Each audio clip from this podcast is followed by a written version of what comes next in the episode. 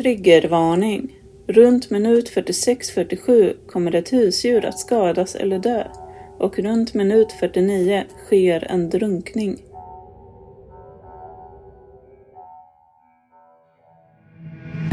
Du lyssnar på Svartviken rollspelspodd. Det här är avsnitt 3 av Kvarnbäckens lek. De små.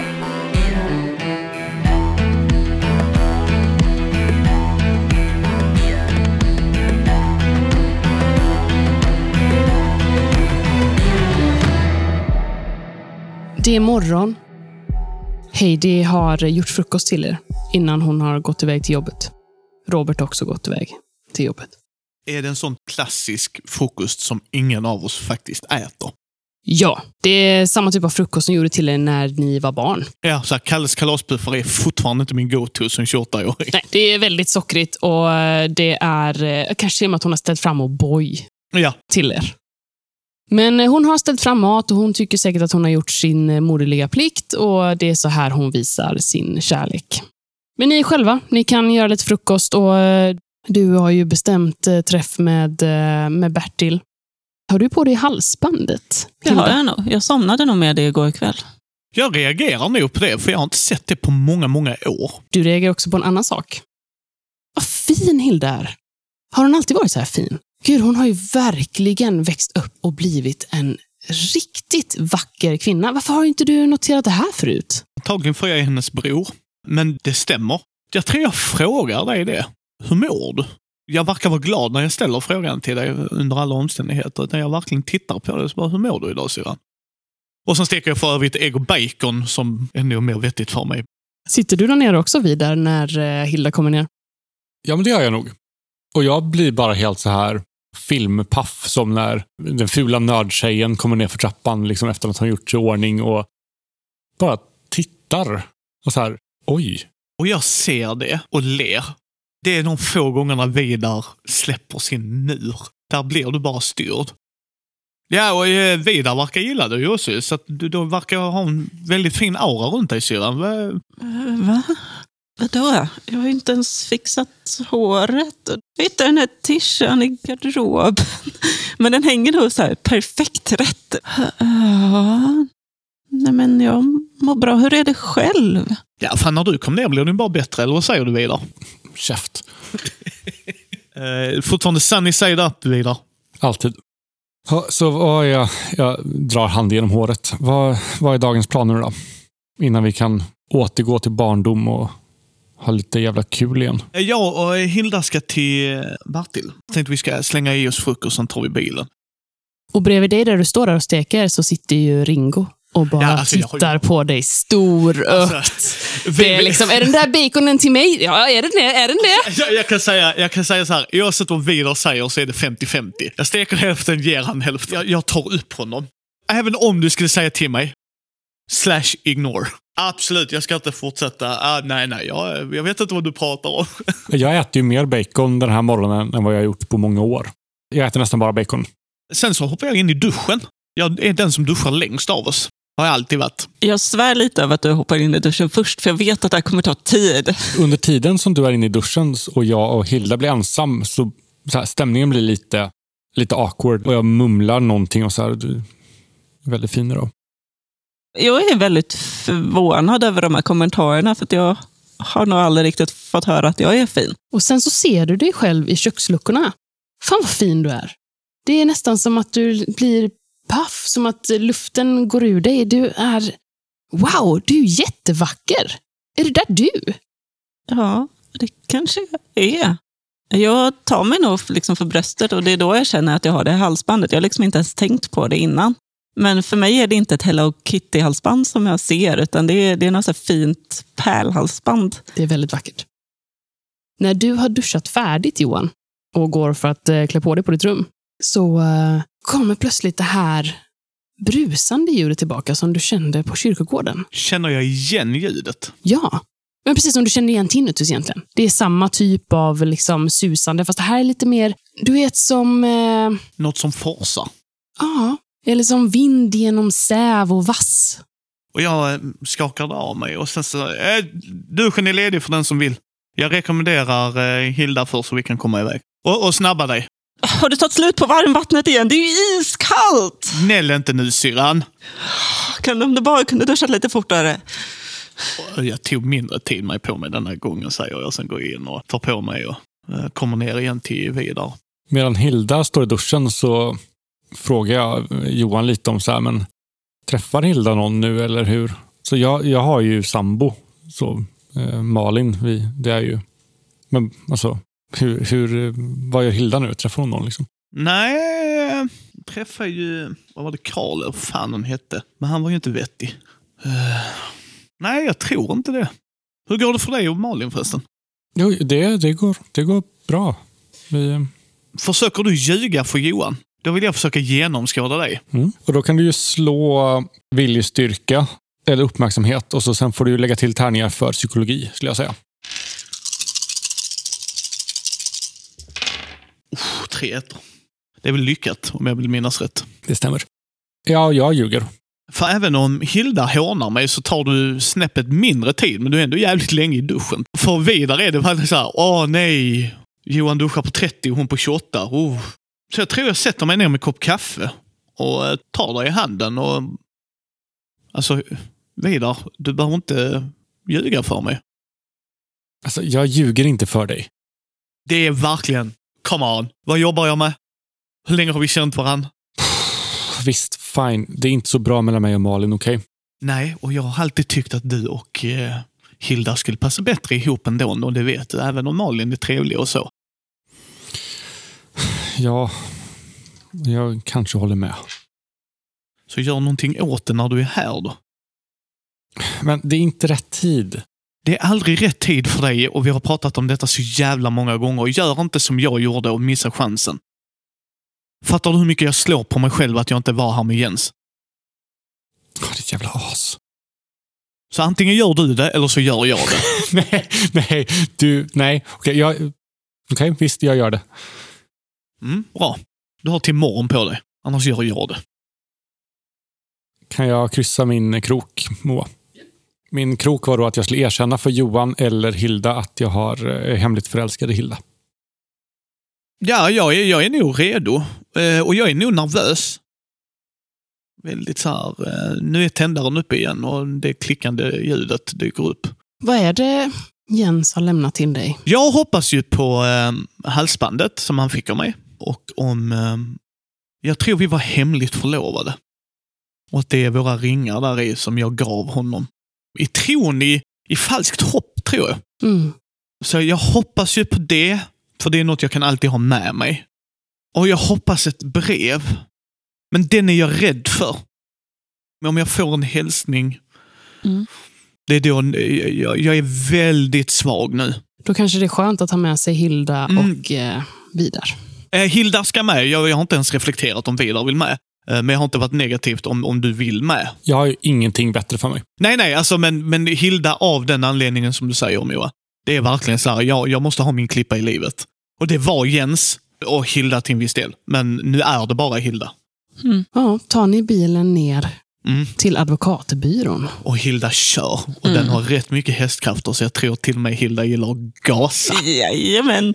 Jag kör nog på ett sätt som du inte riktigt gillar med den här bilen. Nej. Kanske inte tar ut kurvorna så pass mycket. Jag gillar inte det, men jag ser blickarna och då gillar jag det. Och eh, det ser ju verkligen ut som att Hilda har kommit till liv där i solljuset. Solen som verkligen träffar hennes... Vilken färg har du på håret? Jag har nog liknande precis som du. Alltså jag har blont kort hår. Vi ser hur solljuset träffar hennes hår så det ser ut som guld och hur eh, luften eh, strömmar in genom de öppna fönstren. Och, eh, hon ser ut som någonting i en musikvideo. Det är nästan som att hon lyser, som att hon glänser. Du är fantastiskt vacker. Jag spelar en specifik låt som jag tänker på just nu. Det är den Shut Up and Dance With Me. Och den är så jävla peppig. Och jag tror vi peppar tillsammans. För jag ser detta, jag ser syrran komma till liv. Och det är vår, pepp, det är vår förfestlåt, pepplåt. När jag och Hilda ska bli glada, då är det den. Så den har jag alltid i min lista och det är ju blåtandset. Jag smäller upp den och verkligen jammar med dig. Och jag tror vi till och med sjunger med. Och jag tror till och med att det är lite cre- awkward för Vidar. Ja, Vidar sitter ju i baksätet med korsade armar och tittar ut genom, genom fönstret. Liksom. Han vill lite digga med, men gör det inte. När ni kommer fram till eh, advokatbyråns kontor så ser ni att det verkar vara massa människor som arbetar frenetiskt på gatan där. De håller på och flyttar ut massa lådor med dokument samt möbler och dylikt på gatan utanför. Och alla ser ganska så irriterade och stressade ut. När ni kommer fram så ser ni liksom hur Bertil eh, kommer ut ur kontoret. Och när han får syn på er så, så liksom hastar han fram och... Åh, åh eh, Johan! Eh, ursäkta, ursäkta. Vi har haft en vattenläcka. Det är vatten överallt. Vi, vi försöker bara få undan allting nu. Och, eh, urs, ursäkta mig. Vi, vi, jag kommer ut. Stanna här. Stanna här. Jag byter en blick med Hilda. Mm, var det inte något om någon vattenläcka igår? E- e- Eller vad var det mamma sa egentligen? Hon sa att Jens hade pratat massa om vattenläckor. Va? va? Heidi sa igår när du hade gått, eh, tappat humöret, blivit arg, så, eh, så sa hon att eh, Jens hade kommit förbi dem och pratat om vattenläckor och skit. Jag vet inte om det är på massa olika ställen i stan och att det är något problem med, med vattnet. Har det någonsin varit det? För nu, nu tänker jag. Nej. För jag tänker om det har hänt ofta borde man ha det som minne liksom, när man växte upp. Ja, nu är översvämningen här igen. Liksom. Men det är inte Nej. det va? Nej. Nej. Ungefär då så kommer Bertil ut igen och du ser att han har någonting i händerna. Det verkar vara en liten låda som ser vattenpåverkad ut. Och Han kommer fram och du ser att han ser helt förstörd ut. Och, Åh, Johan, jag, jag, är så, jag är så ledsen, men det verkar som att, som att vattnet har tagit sig till... Åh, jag ber så hemskt mycket om ursäkt. Det här har aldrig hänt. Sen öppnar han den här lådan och plockar fram och då är det ett kuvert som är väldigt blött. Det verkar ligga lite grejer i det. Och sen så eh, blanketter egentligen. Lite så här dokument. Och, eh, ja, det, jag hade ju ändå hoppats att vi kunde ta det här på mitt kontor, men det är ju vatten överallt. Och, men här, han lyfter fram blanketterna. Jens lämnade dig sitt hus. Det här är lagfaterna. Givetvis har vi dem digitalt också. Så att eh, du ska få prata med min sekreterare här i dagarna när vi fått lite mer ordning här. Han vänder sig om och liksom gestikulerar mot kaoset bakom. Och så ska du få signera digitalt och så ska vi lösa allting för dig. Eh, men, eh, och här, han har ju överlämnat ett, ett, ett brev, men det är ju tyvärr... Han lyfter upp det och det är väldigt blött och han räcker fram det till dig. Det verkar vara ett brev, men det verkar även eh, vara två föremål i det här kuvertet också. Jag är så hemskt, hemskt ledsen för det här Johan. Det har, det har som sagt aldrig hänt innan. Och, eh, kan inte ta det här så länge? Så, så, så kan vi pratas vid senare i veckan när, jag har, när vi har fått ordning på det här. Så kan du komma in och så löser vi det i lugn och ro. Att eh, vi fixar eh, överföringen av lagfarten digitalt och löser allting. Och så ska du se att eh, vi ska ta hand om dig och fixa det här. Kan jag få nycklarna? Absolut, absolut. De ligger här i också. Han räcker fram den här lilla lådan och där i ligger också nycklar. Jag försöker öppna kuvertet. Försiktigt. Otroligt försiktigt. Mm. Du öppnar den och i det här kuvertet så ligger det två ringar. Och du vet exakt vilka ringar. Och halsbandet då antar jag. Ja. Och även ett eh, brev, men brevet är liksom... Du ser att det var flera sidor som han har vikt ihop. Ah, Men nu är det helt blött och bläcket har runnit ut. Så att han har skrivit dig ett brev som är långt, men det går inte att läsa någonting av det. Det är helt förstört av vatten. jag går ifrån er. Jag går runt ett hörn och bara skriker. Jag väntar en lite, lite stund och sen går jag efter.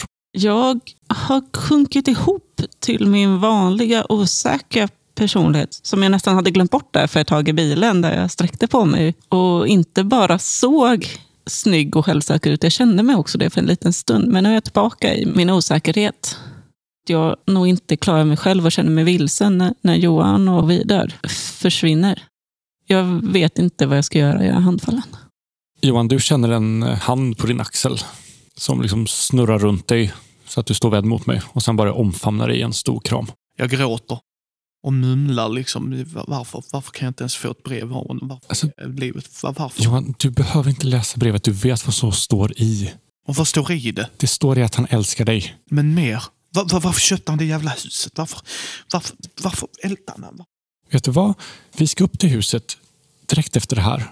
Och så tar vi reda på det. Han kanske har lämnat spår där. Han kanske har lämnat någonting mer. Vi, vi kollar på det här. Vi löser det här tillsammans, okej? Vi fixar det här. Du är inte ensam. Nej, jag tar upp en cigg. Säger till dig, för ingen har vetat det. Vi skulle gift oss. Jag är ledsen. Nej, så jag, han, eh, han står och rö, eh, rökar, Johan, och känner eh, sorgen. Han älskar Vidar för det han gjorde där. Så han, han bara står och rökar och det är nog första gången du har sett en död blick i hans ögon. Jag klappar lite på axeln och så i ett försök att vara lättsam så säger jag kom så går vi och löser det här mysteriet och sen så hjälper du mig att fråga ut din syster. Ehm, ja, du ser att det tar en stund. Han röker ju upp och sen eh, går han uh, tillbaks. Hela ler lite lätt mot er när ni kommer tillbaka. Och ganska tacksamt mot eh, dig Vidar. Jag ler tillbaka och det kanske är mitt första riktiga leende. Och Vidar och eh, Johan, ni noterar ju även av eh, alla de här personerna som håller på att bära ut grejer från advokatkontoret, så är det ju väldigt många som vänder på eh, ansiktet och nacken och verkligen gapar efter Hilda. Nu blir jag obekväm. Inte att jag inte ser min syster som någon sexuellt aktiv person, utan mer, det här är något jättekonstigt. Alltså jag tycker det är obekvämt. Det är en surrealistisk situation. Så att jag tittar på dig och försöker få ögonkontakt. Jag, rycker lite på axlarna. Och det är kanske då ni eh, kopplar vad det faktiskt är hon har runt halsen. För att ni hade ju en lek där man eh, blev vacker när man satte på sig ett halsband. Hade ni inte det? Det är som att det liksom kommer tillbaka till er och sköljer över. Att det var väl en av era le våra lekar som vi hade när vi lekte brödraskapet. Det var den leken där jag aldrig tog på mig halsbandet för jag såg mig aldrig. Jag kunde aldrig tänka mig att jag skulle kunna vara vacker. Så jag vägrade liksom ta på mig halsbandet. Jag tänkte det var Jens som använde det mycket också. Johan hade inte behovet av det. Liksom. Du och jag använde aldrig det, men tjejerna och Jens använde det. Och det är väl också då som Johan och Vidar slås av någonting. Ni kastade ju alltid föremålen i forsen. Det var ju det som var leken. Ni kastade dem i forsen och sen kom de tillbaka och då var de magiska. Det var ju det ni lekte. Hilda, Ja, Johan, jag kommer emot det. Jag börjar nog också bli lite obekväm av folks blickar. Jag är inte van vid den sortens uppmärksamhet faktiskt. För det är verkligen uppmärksamhet. Ja. Det är alla på gatan tittar på dig. Det finns liksom ingen annan som har, eh, är i fokus för folks attention. Jag vill liksom bara gå och gömma mig med, med Johan. Jag tar mig bort mot dig. ja, jag, jag tror jag blir arg på dem för att de, jag ser att du blir obekväm och då går jag in där att jag ska skydda lillsyrran. Men har ni inget jobb att sköta? Du ser hur de liksom eh, ruskar till och rycker till och, och som att de kommer på sig själva och fortsätter att bära lådor. Eh, Kom, kom brorsan, vi, vi går. Vi tar bilen. Ska vi, ska vi titta på Jens eller Kristins eller huset? Ja, jag... ehm, du ser att jag uh, hjälpt mig på med det här syrran. Jag vill ha halsbandet på mig. Jag sätter handen på halsbandet. Ja. Nej, det, det är ditt halsband. Det här är mitt och så ser du två förlovningsringar. Inte ens du har vetat om att vi var så, att vi skulle gifta oss. Mm. Men du fattar det. För det första är det Jens stil. Det är han som har valt ringarna. Nej, nej, detta. Skulle ni... Vad är det här? Vi tar det sen, men ja, vi skulle... Jag ler lite först och sen så kommer jag på mig själv med att det är över. kommer alltid vara över. Okej. Du vet att han älskade dig oavsett. Ja, ni bägge har sagt det, så då måste det vara sant. Kan du, kan du ta mig ut härifrån? Utan tvivel. I always got your back. Jag kör, så kör vi upp till huset precis som Vidar sa. Jag sitter tyst under resan upp. Jag tror hela bilen är tyst. När vi närmar oss så tror jag jag börjar bli obekväm. Jag blir mer spänd. Och framförallt också så eh, känner ni alla hur bruset kommer tillbaka. Hur det susar och porlar. Jag lyssnar efter något. Ja, jag börjar också så här vrida huvudet och titta mig omkring. Och det blir starkare och starkare. Och när ni kommer upp för den här lilla grusvägen som går den sista biten upp till kvarnhuset så är det som att ni fylls av bruset. Och det känns som ett behov. Det känns som att ni är nära någonting. Och ni känner igen det. Ni har känt det här i barndomen. Det här är en gammal känsla. Det här är någonting välbekant som ni nu ställs inför igen. Och ni kommer fram till det här, det här gamla kvarnhuset. Det är en gammal träbyggnad som ligger uppe på en höjd och bredvid så forsar den här eh, floden. Och eh, i floden bredvid huset så står det här gamla stora kvarnhjulet. Och ni slås av hur eh, förfallet huset ser ut. Att ni har de här minnena från 20 år sedan när ni var här och lekte och huset ser inte alls ut så som det gjorde då. Men hjulet, det ser exakt likadant ut som ni minns det. Det är som att det inte åldrats en dag. Det är som att någon har varit här och tagit hand om det. Jag eh, frågar er och jag beskriver det så som Moa har beskrivit det. Hör ni detta? Ljudet? Ja. Ja, det var ju samma som vi hörde på kyrkogården. Hörde du det då också? Och eh, igår kväll när jag skulle gå och lägga mig. Jag vet hör- inte, det verkar vara något i stan som kommer och går. Eh, Jag tror inte att jag har hört det tidigare, men Hörde inte du det på kyrkogården? Kyrkogården hörde jag det. Då var inte vi där med oss ju. Och jag trodde för övrigt att det var bara jag som hörde det. Jag hörde det när du la ner Luke Skywalker. alltså, det måste ju vara vattnet som pålar eller någonting. Ni måste ha inbillat er tidigare. Det är ju det är en Jagge. Jag vet att du inte är så jävla biltokig med Command. Det är en lyxbil för fan. Jag snackar om att jag hade lämnat tillbaka den. Bara by the way, när jag kört förbi en flod så hörde jag den in i bilen. Alltså, det hörs ju inte mycket. Jag vevar ner rutan lite och jämför. Så här, är det samma typ av ljud? Och inser rätt snabbt att det är det väl inte. Det verkar inte komma utifrån. Ja, Min bil är inte sönder. Den är knappt ett år gammalt. Nej, nej, nej, nej, nej, nej, nej. Och det hände när jag rörde en leksak och jag menar, du med halsbandet där och har ni märkt något annat med de här jävla grejerna? Har ni... På minnesstunden, din My Little Pony. Det var inte samma brus, men det var en konstig känsla. Som om den här starka känslan av, av behov av närhet och, och, och hunger. Och att min människa kommer. Och sen var det borta. Men den här närheten dröjde kvar. Det var därför jag kramade dig igår. Förlåt, Vidar. Det är okej. Jag har ju haft den här, jag hanterar stress med den. Den skänker mig alltid ro, framförallt när Ringo är i närheten. Ja, det var ju nästan samma slags känsla. Som om det var Ringo som kände den kanske. Jag menar, en hund kan ju känna otroligt stark närhet. Och, och när jag såg Ringo titta på baconet i morse, så den hungern är inte att leka med. Den var också en del av leken, minns jag. Vad var det vi lekte med den? Ni eh, får med ens en ganska kraftig minnesbild av hur ni suttit nedanför kvarnhuset vid den här stora linden som finns där och kramat den här My Little Ponyn när småfåglarna flugit förbi. Och hur fantastiskt det var, hur fantastiskt det kändes. När ni kommer fram så ser ni också att eh, vid sidan av huset så står det en massa bensindunkar. De ser ganska nya ut också. Som att så här, någon har köpt dem ganska nyligen. Är de tomma eller fulla? De är fulla med bensin. Det är väldigt mycket bensin här. Det här är en brandfara. Så kan man ju också se det. Jag tycker det är bara märkligt. Okej, så vad vet vi hittills? Jens flyttade upp hit för att ta hand om sin farsa. Han köpte det här rucklet och bodde istället för att bo med Berg.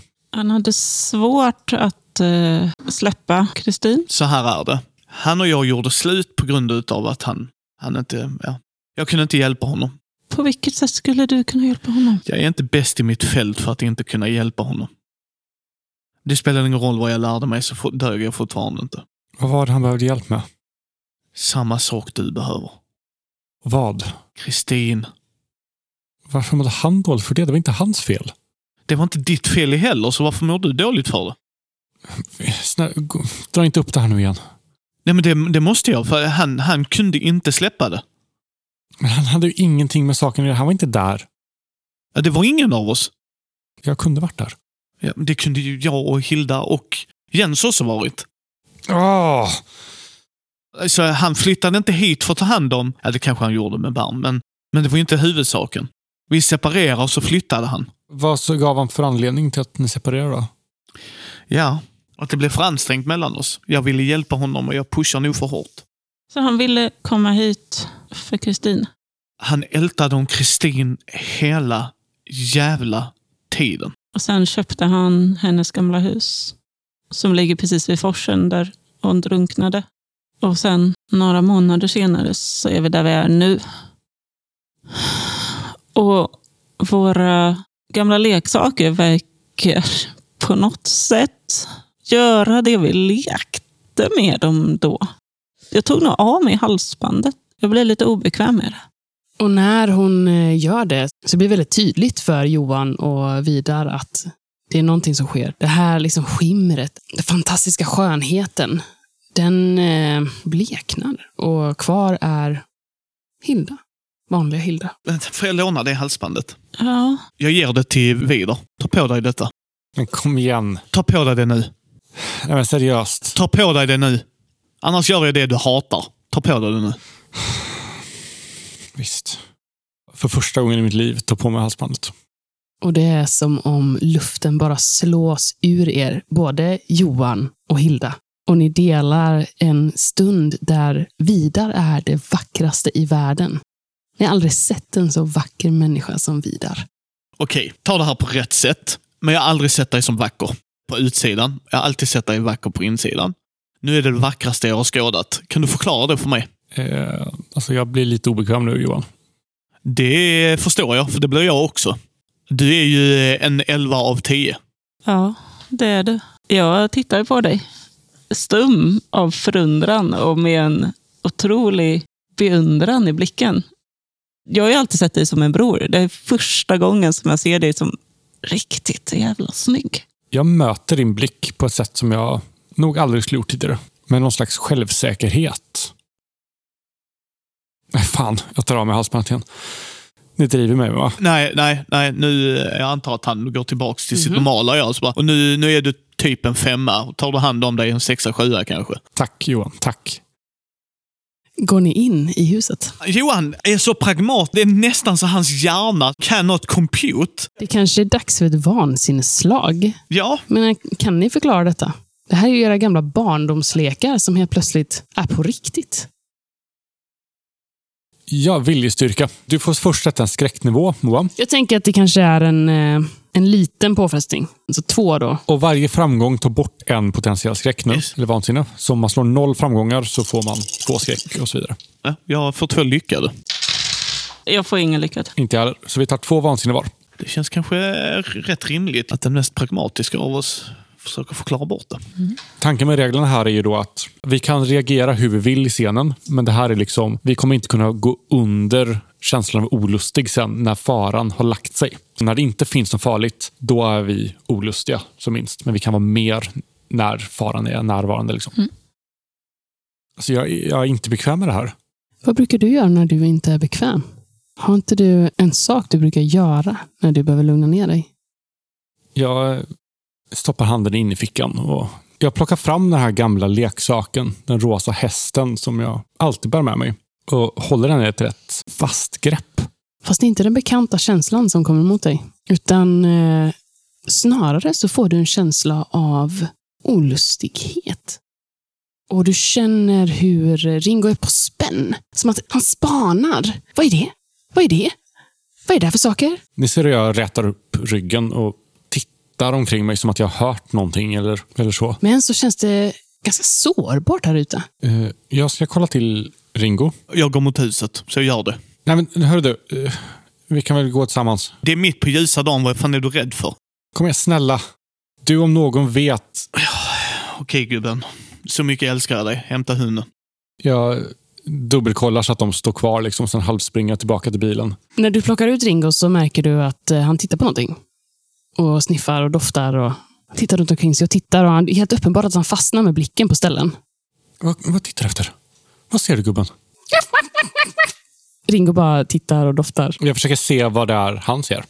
Du tittar omkring och du, eh, du kan inte se någonting. Det är en fors som flyter förbi och det är eh, träd och vinden susar lite lätt i trädkronorna. Fåglar. Kvarnhuset. Jag kan inte förstå vad det skulle kunna vara.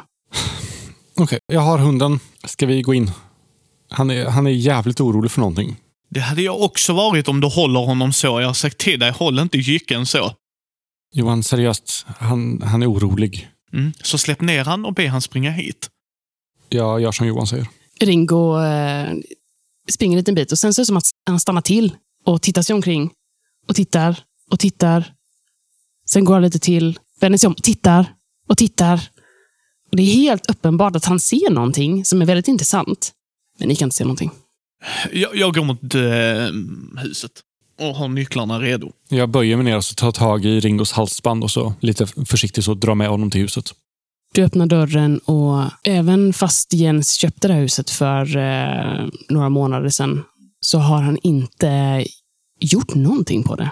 Hur fan har han bott, levt här i flera månader? Nej, jag fattar inte det heller.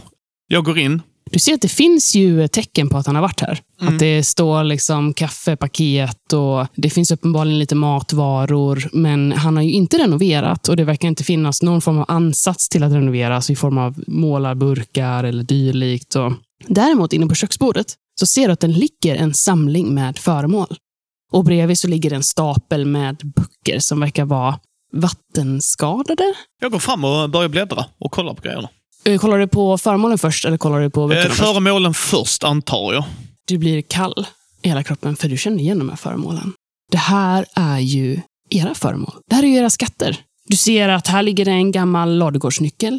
Här ligger det ett färgglatt tvinnat armband, en gammal kam, en jeansjacka, en burk med slime, ett gammalt smyckeskrin och en Walkman och en Viewmaster.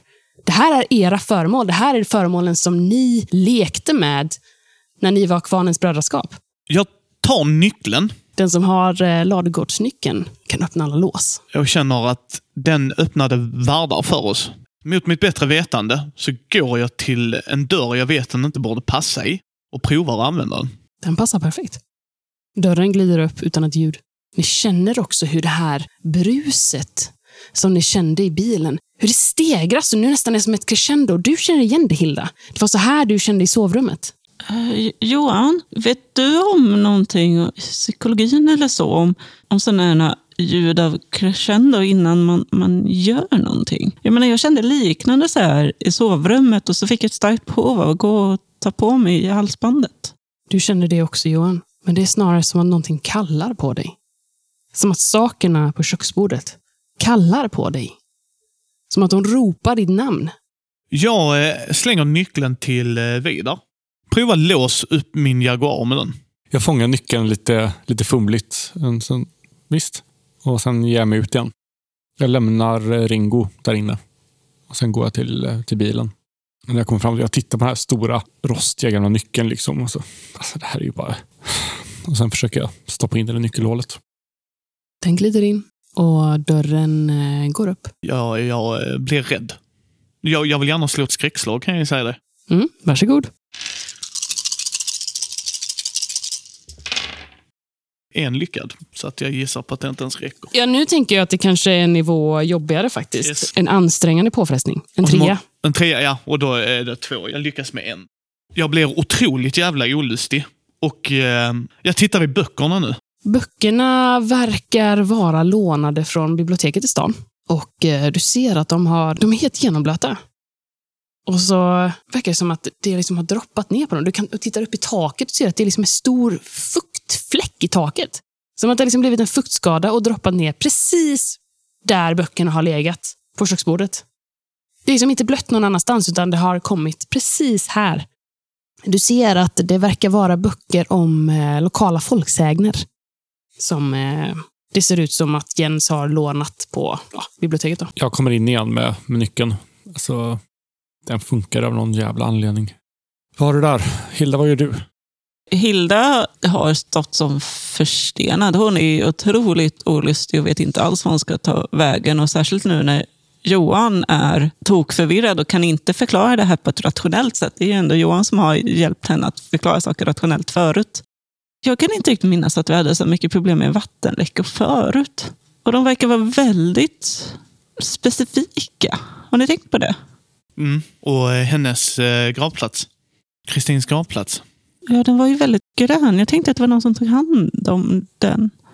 Men den borde inte ha varit så blöt. Nej, inte i denna sommarvarmen. Vad snackar ni om? Eh, Det var den enda gröna gravplatsen. Det var Kristins. Och den var till och med våt när jag var där. Hmm. Jag börjar kolla i, i de här böckerna där jag kan. Mm. Och det är ju... Eh, alltså de är ju väldigt, de är väldigt fuktskadade. Men inte riktigt lika fuktskadade som det här brevet som Jens har lämnat till dig. Utan här kan man ändå utläsa vissa saker. Och du ser att Jens verkar ha lagt ett bokmärke på en viss sektion. Och när du slår upp den så ser du att den sektionen heter eh, De små. Och det finns också eh, anteckningar i boken. Och du känner ju igen Jens handstil. Men eh, vattnet har ju liksom suddat ut. Du kan inte läsa exakt vad han har skrivit. Du kan utläsa Kristins namn på vissa ställen. Men eh, annars är det väldigt svårt. Och du kan utläsa vissa sektioner på det här där han har bokmärkt. I fragment då. Mm. Likt hustomtar och knytt. De vill att det ska gå bra för husbonden och genom att, för att häva kontraktet, allting måste lämnas tillbaka. Man måste visa att man inte vill ha. Och sista stycket där. Bränna ned. Jag googlar de små. Vad fan får jag reda på det? Alltså det du får reda på är att eh, det är liksom en form av knytt som varierar väldigt mycket regionalt. Och eh, de verkar, precis som typ hustomtar och dylikt, ha en koppling till en viss plats där de eh, uppfyller önskningar på den platsen. Det varierar väldigt mycket. Det är väldigt svårt att få liksom någon slags, men det generella är att de, eh, de vill att det ska gå bra för den platsen och de uppfyller önskningar där. Och Det här kan ta sig i olika uttryck. Mm. Och när du läser detta så kommer minnet tillbaks till dig väldigt kraftfullt hur ni stod ovanför kvarnhjulet och ni kastade ner föremål i forsen för att det var kul, liksom, för att testa. Och Sen dök de upp dagen efteråt ovanför kvarnhjulet. Och då kunde ni göra saker med dem. Och Det är som att någonting faller på plats. Det här var er lek. Någonting har hänt med de här föremålen. Och en, en del av det har nog bara rationaliserat det som en vuxen som att det var hittepå. Det var på låtsas. Det var sånt som barn gör. Men sakta så ställs du, du, psykologen. Du som har arbetat med folks vanföreställningar. Du ställs inför att era barnlekar kanske faktiskt inte bara var barnlekar. Och tänk om Jens hade rätt. Tänk om det här har en koppling till Kristin. Var ni ansvariga för Kristins död? Och jag vill att du ska stå ett streckslag. och det här är en, det här är en överväldigande påfrestning, en femma. Lyckas ta bort tre av dessa. Jag ehm, eh, börjar mumla. Jag, eh, jag står med telefonen när jag gör det. Liksom, fan, det vad, vad gjorde vi? Jag går fram till Johan och tar tag om dina axlar och så skakar till dig en gång och tittar i ögonen. Johan, skärp dig. Vad är det som händer? Det är vårt fel. Det slår mig som en slägga i magen. Du kan också slå ett skräckslag. Den här personen som alltid har hävdat att det inte var ditt fel, att det inte var ert fel, att du inte kunde hjälpa att Kristin dog. Nu står han helt plötsligt och säger att det var ert fel. Jag bränner två ödespoäng för att få två extra tärningar. Vad är det för svårighet? Det är en stor påfrestning. Stor. Så fyra. Fyra. Mm. Så jag tar tre. Jag ger dig en eh, örfil. Jag tror jag slår dig. Nej, nej, jag, förlåt. Jag, jag puttar ifrån mig dig. Jag tror inte jag skulle slå dig. Jag puttar ifrån dig där och så... Hur många dunkar var det där ute? Alltså säkert tio. Okej, jag, jag går till bilen. Vi kan ju hoppa till eh, Hilda så länge. Alltså, alla de här föremålen ligger ju på, på bordet, böckerna. Du har helt plötsligt sett hur din storebror bara börjar prata om att det är ert fel och eh, sett hur eh, Vidar örfilat honom. Jag börjar titta på de här föremålen. Jag har ju ändå gjort någon slags koppling till alla de här föremålen vi lekte med när vi var barn. Är det här alla föremålen? Nej, Saknar vi någon eller några? det saknas. Det verkar som att eh, de flesta är här. Och det är även en del föremål här som du inte känner igen att ni gjorde, skapade när ni var barn. Det är föremål här som du inte har någon, något minne av att ni har gjort. Bland annat ett gammalt smyckeskrin som ser alltså verkligen gammalt ut, som att det var typ från 1800-talet. Och en gammal, eh, en del av en gammal tröska. Men det verkar som att Jens har samlat en hel del föremål här. Men du vet ju till exempel att ni lämnade ju en liten Skywalker på Kristins grav. Jag samlar ihop de här föremålen. Och du eh, förstår ju även vad man kan göra med de flesta av dem. Du minns nu. Du minns hur ni kastade ner dem här i forsen. Du förstår inte hur du har kunnat glömma. Hur har du kunnat glömma det här? Jag översköljs av väldigt många minnen. Det är som om jag under hela livet har förträngt saker gång på gång på gång. Och nästan alla minnen som jag försökt komma ihåg så många gånger slås tillbaka till mig nu. Och du ser ju framför dig hur det var Jens idé att kasta ner burken med slime, för att vad skulle hända då? Och det var Kristins idé att kasta ner jeansjackan. Och det var ju Vidar som kastade ner My Little Pony. Och du var så arg på honom först, för du älskade ju den My Little Ponyn. Men det blev ju så bra, för då kunde ni ju lyssna på fåglarna. Har vi gjort oss av med några av de här leksakerna förut? vad händer om man kastar ner dem två gånger? Kommer de alltid tillbaka?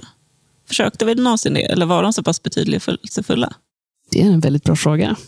Jag tänker säga så här, att eh, ni var ju nyfikna som barn. Ni testade ju mycket. Så det fanns en liten speldosa som du hade gjort. Som, eh, när ni plockade upp den ur forsen, så eh, kunde den få vem som helst att dansa. Även om de inte tänkte att de skulle dansa. Om ni satte igång speldosan så började alla som inte höll i speldosan att dansa. Och den kastade du ner igen. Och du såg den aldrig igen. Jag börjar samla ihop alla, alla prylar som ligger på bordet när jag ser er slåss. Eh, Jag vet inte vad det här är eller, eller vad det gör, men eh, vi måste uppenbarligen bli av med dem. Och så håller jag dem i famnen. Skriker du det till Johan? Ja, Då skriker jag, vi måste bränna skiten. Nej, vi ska, de ska ner i älven. Kommer du inte ihåg? Nej, nej, nej. Nej, vi måste förstöra dem och de förstörs inte i älven och jag tror vi måste förstöra bygget. Vi kan förstöra bygget, men, Nej, men grejerna måste också förstöras. men minns du inte när vi kastade ner speldosan och den försvann för alltid? Den där som, som du dansade. Jag vet att du hatade att dansa, men, men den speldosan jag kastade ner en gång. Jag, jag eh, slänger en blick på Vidar. Jag har bara stått tyst efter att du puttade bort mig. Och du kan se att så här, det tränger fram tårar i sidan av ögonen. Och Jag tittar upp på dig och blicken är nästan fylld med hat. Och Jag pressar fram det här. Alltså, du, innerst inne har du alltid anklagat mig för att det är mitt fel. Du har alltid vetat att det, är mitt, att det var mitt fel. Att det var mitt fel att Kristin dog. Det var fan med på tiden att det kom fram. Nej. Nej, Vidar. Det har jag precis inte alls tid tänkt. Jag har fan inte tänkt på de små. P- p- p- Påstår du i mitt rationella arbete att jag har gått runt och trott på våra övernaturliga grejer? Du låste precis upp min bil med en nyckel du inte skulle kunna låsa upp. Jag, jag pekar på dig. Nej, men någonstans innerst inne så har du anklagat mig för att Kristin dog. Precis som jag har gjort. Du är en falsk jävel, Johan. Nu går jag och klipper till dig. Nu, nu tjongar jag till dig ordentligt. Tvärs över nyllet. Jag blir så förbannad. Där släpper remmarna och om du bara tar smällen eller vill du vi ska slå för det? Jag tar smällen, tror jag. Ja. Och obeväpnad attack är eh, vapenskada 1.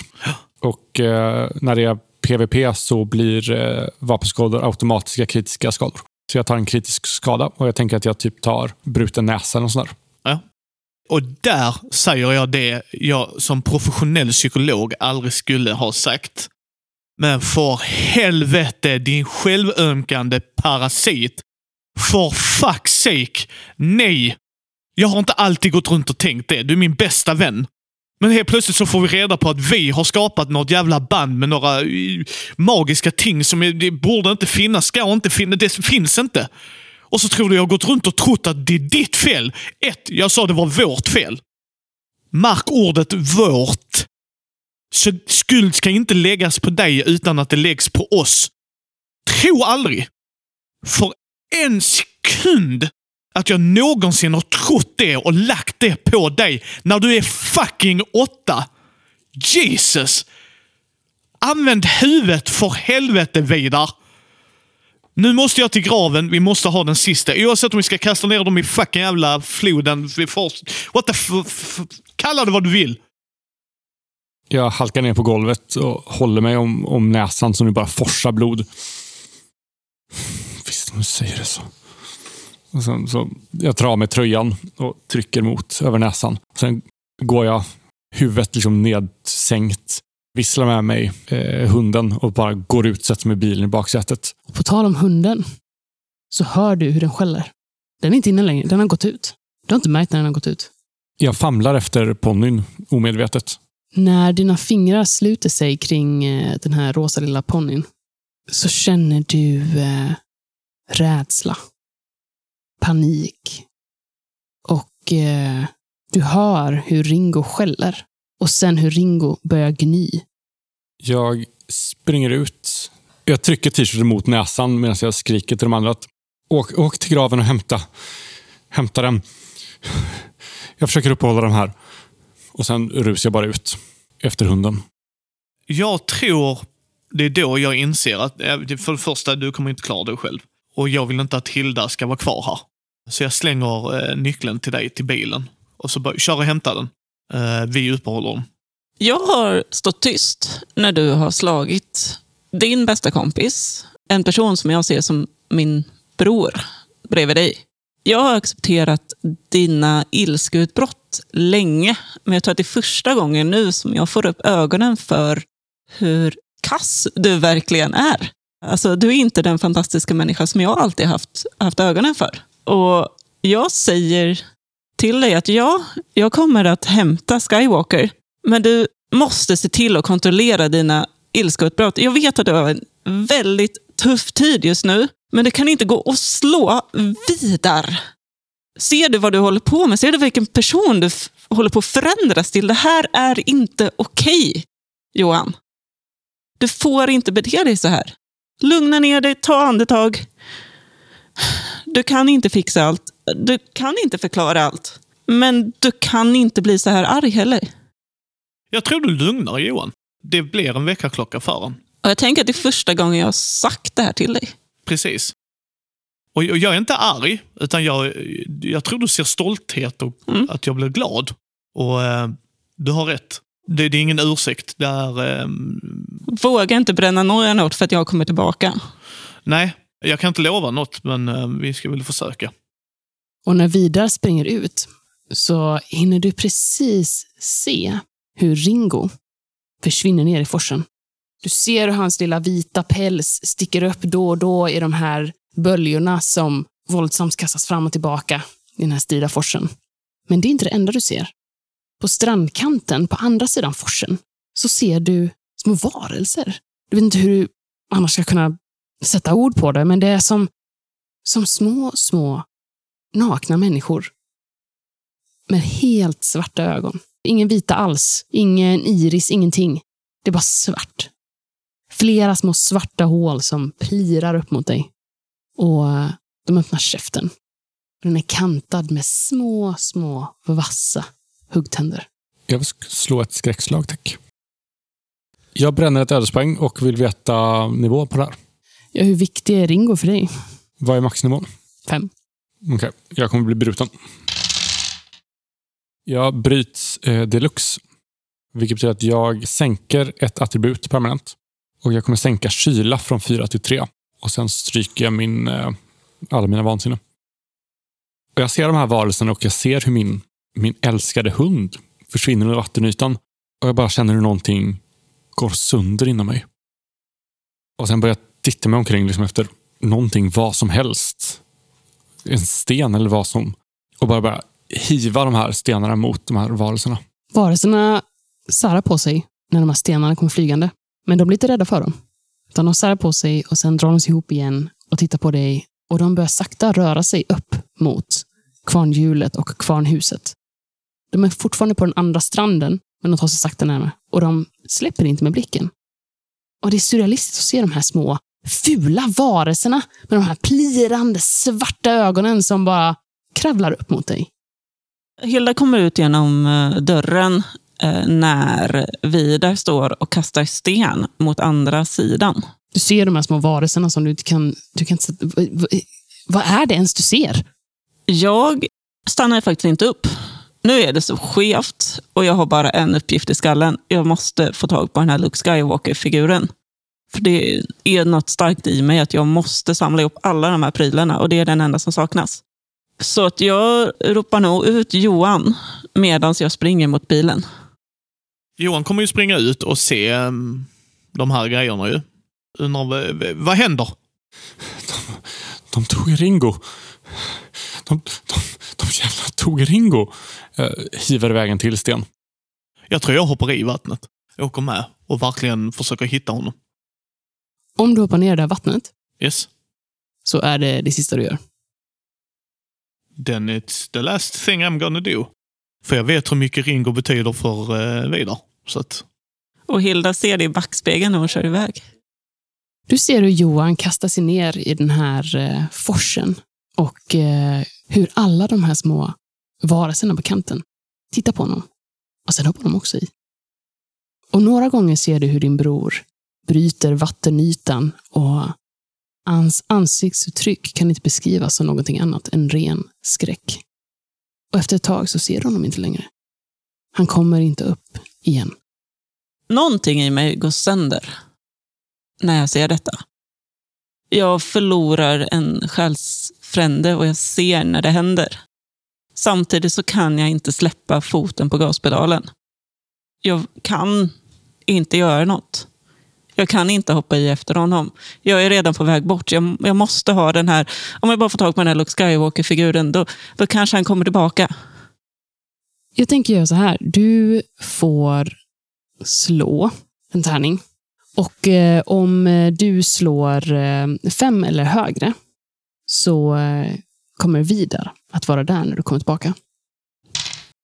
Tio. Du, eh, du åker till kyrkogården. Du kommer fram till Kristins grav. Där sitter Skywalker. Du ser den här grönskande rabatten framför graven. Du ser hur torrt det är över allt annat, hur brunt och intorkat och gult det är. Men Kristins grav, den grönskar. För mig är det bara som ett blurr. Det är nästan så att jag ser graven på den gröna färgen mer än att jag ser gravstenarna runt omkring. Jag rusar fram mot den och rycker åt mig Skywalker-figuren. Jag har tunnelseende nu. Jag måste ha den här figuren, jag måste tillbaka. Jag kanske kan rädda Johan på något sätt, jag vet inte. Och både du och Vidar känner ju det här suset, det här bruset, det här pålandet blir starkare och starkare. Det tränger nästan undan alla andra tankar i huvudet. Och det är nästan argt nu. Vi gav er allt. Vi gav er gåvor. Vi gav er allt som ni ville ha. Ni ville ju ha det här. Vi gav och gav och gav. Och ni har aldrig gett tillbaka. Så fort jag såg Johan försvinna under vattnet och insåg att det, det är för sent, så sprang jag tillbaka till de här dunkarna med bensin och började hälla ut dem över hela huset där inne. Jag har inte tänt eld eller så, utan jag tänker att när Hilda kommer tillbaka så är jag liksom, står där inne och bara skvätter ut bensin. Helt frenetiskt. Hilda kommer tillbaka. Jag hoppar ur bilen och jag kastar ner en figur i vattnet. Här får ni tillbaka era jävlar. Otacksamma! Otacksamma! Otacksamma barn! Reagerar de på något sätt när Skywalker-figuren landar i vattnet? Du ser hur de väser och blottar tänderna mot dig. Jag rusar in i huset. Jag tar hela den här högen med prylar som jag samlade upp förut. Allting ni skapade tillsammans. Allting ni skapade tillsammans med Johan och Jens och Kristin. Alla våra minnen egentligen. Allt det vi hade med dem. Alla våra minnen, alla känslor och drömmar som någonsin fanns hos oss. Jag tar allt det. Och sen slänger jag ut det i forsen. Och säger åt Vidar att tända på huset. Jag häller ut den sista bensindunken och sen kom jag på fan, jag har ingenting att tända med. Men så kom jag på att när jag öppnade bilen förut med nyckeln så såg jag ju tändaren som låg i facket mellan sätena.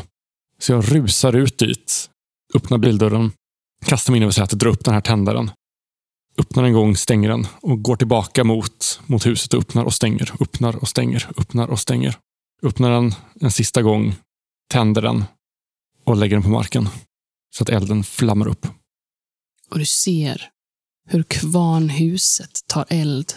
Hur lågorna sprider sig. Hur träet knakar och hur hjulet som är i forsen börjar ge vika.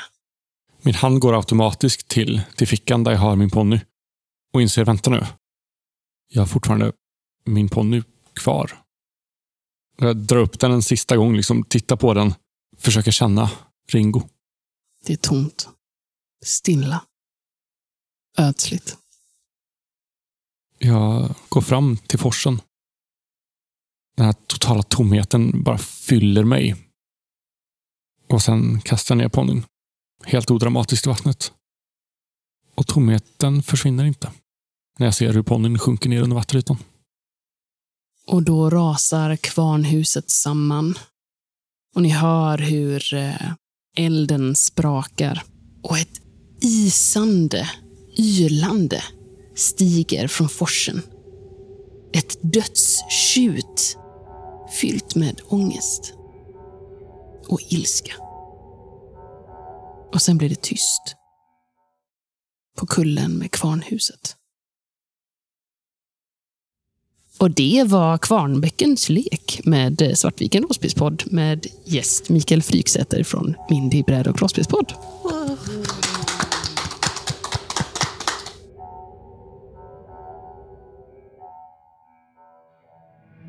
Du har lyssnat på Svartviken rollspelspodd. Spelet Skrönt ges ut av Bläckfisk förlag och musiken är gjord av Alexander Bergil.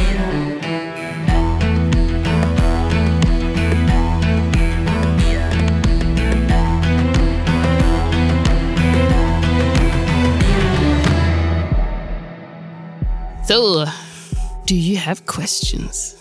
Eller vill ni köra någon epilog? Får vi gå eller hem liksom? nu? Mm. Ja, nu får man gå hem. Nu är klockan, vad är det nu? Den är Fem fem, över över halv. halv tolv på Borås spelkonvent eh, 2021. Jag föreställer mig nu att Hilda nog ändå har fått upp ögonen för Vidar.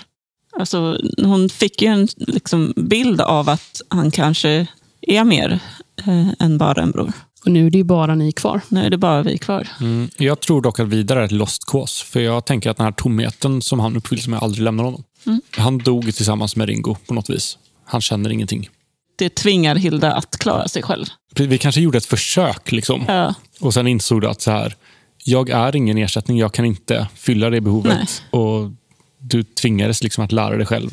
Ett bättre slut för dig tror jag. ja, det tror jag också. Eh, Ett lite värre slut för mig. Eh, jag antar att Kvarnbäcken alltid har lekt så här. Med tanke på att det fanns grejer från 1800-talet. Ja, alltså det, det, det finns ju lite olika hubbar. Så. Nu känns det som att det, det blir mycket karaktärsspel och det är ju bra. Men så här, man, man kan också liksom, man kan ju gå till biblioteket, man kan gå till hembygdsgården. Innan Kristins föräldrar flyttade in där så hade det inte varit bebott sedan 1800-talet. Och Då finns det ju en berättelse från 1800-talet hur det var liksom en familj som flyttade in där och eh, helt plötsligt deras affärer började blomstra och det gick väldigt bra för dem. Och Uppenbart, några av de här magiska föremålen till exempel hade de gjort. Men sen så började barnen dö av. För det är det som är grejen, att man slutar en pakt med de små, där man får skapa magiska föremål som är väldigt mäktiga, men någon måste betala för det. Och det blev Kristin. Jag älskade att det var våra minnen. Det, det var alltså sånt härligt mörker. Att där står Hi- Hilda och förlorat sin bror och så måste förlora alla minnen mer eller mindre. Sen tänker man att du får eh, tändaren, men det är ju inget jämfört med de andra minnena. Liksom. Det är något poetiskt med det känner jag. Så att, nej, det här, det här var fantastiskt. Ja, sjukt bra äventyr. Du Verkligen. får skriva det och släppa det. Jag, alltså jag, jag sa det till Anna på vägen hit, när vi åkte hit, eller hur? Jag bara, jag tror att jag äntligen lyckats skriva ett är släktingar och någon utanför släkten som åker tillbaka till sin familjegård och du har någonting med döda barn att göra och vatten. Men jag gillar också lite så här, det är ju någonstans ändå lock and key fast det är skrömt. Eh, För tanken var att de här föremålen var egentligen utspridda, så att vissa fanns till exempel så här, Johans garderob och vissa fanns liksom på vinden och vissa hade igensamlat ihop. Så tanken var ju så att man sku, skulle egentligen kunna spela att man stannar kvar den här veckan och att till exempel eh, Hilda kan hitta mass, ja, men här att hon blir vacker och sen stöter hon på sin ex-pojkvän. Och så. Att, att man inser att man kan göra mycket med de här magiska föremålen, att det blir en lockelse. Att så här, de här är mäktiga, jag, kan, jag, jag är mäktig med dem. En minikampanj. Ja. Alltså att köra några spelmöten tror jag egentligen man hade tjänat bättre Jag känner det också. Om man verkligen vill utforska det. Liksom. För det vi hade nu hade inte funkat. Nej. För att vi hade en tidspress på oss. Men hade vi inte haft en tidspress på oss, absolut. Där är otroligt mycket bra hookar. Och jag tyckte det ändå var bra att de låg på bordet, för Jens skulle ju kunna samla. För jag hade ju Skywalker. Och du hade ju Hello Kitty-halsbandet. Så han hade ju Ja, och inte det fått var så himla bra också när när Kristoffer i början bara, jag skulle vilja ha en förmåga. Jag bara, det är klart att du ska få det, varsågod. Får Och jag, jag, hade inte ens, ja, nej, precis, jag tänkte inte ens på det. Alla hade varsitt objekt. Ja. Så det var eh, fantastiskt. Jävligt bra gjort. Kul! Tack för ikväll. Ja, tack för ikväll.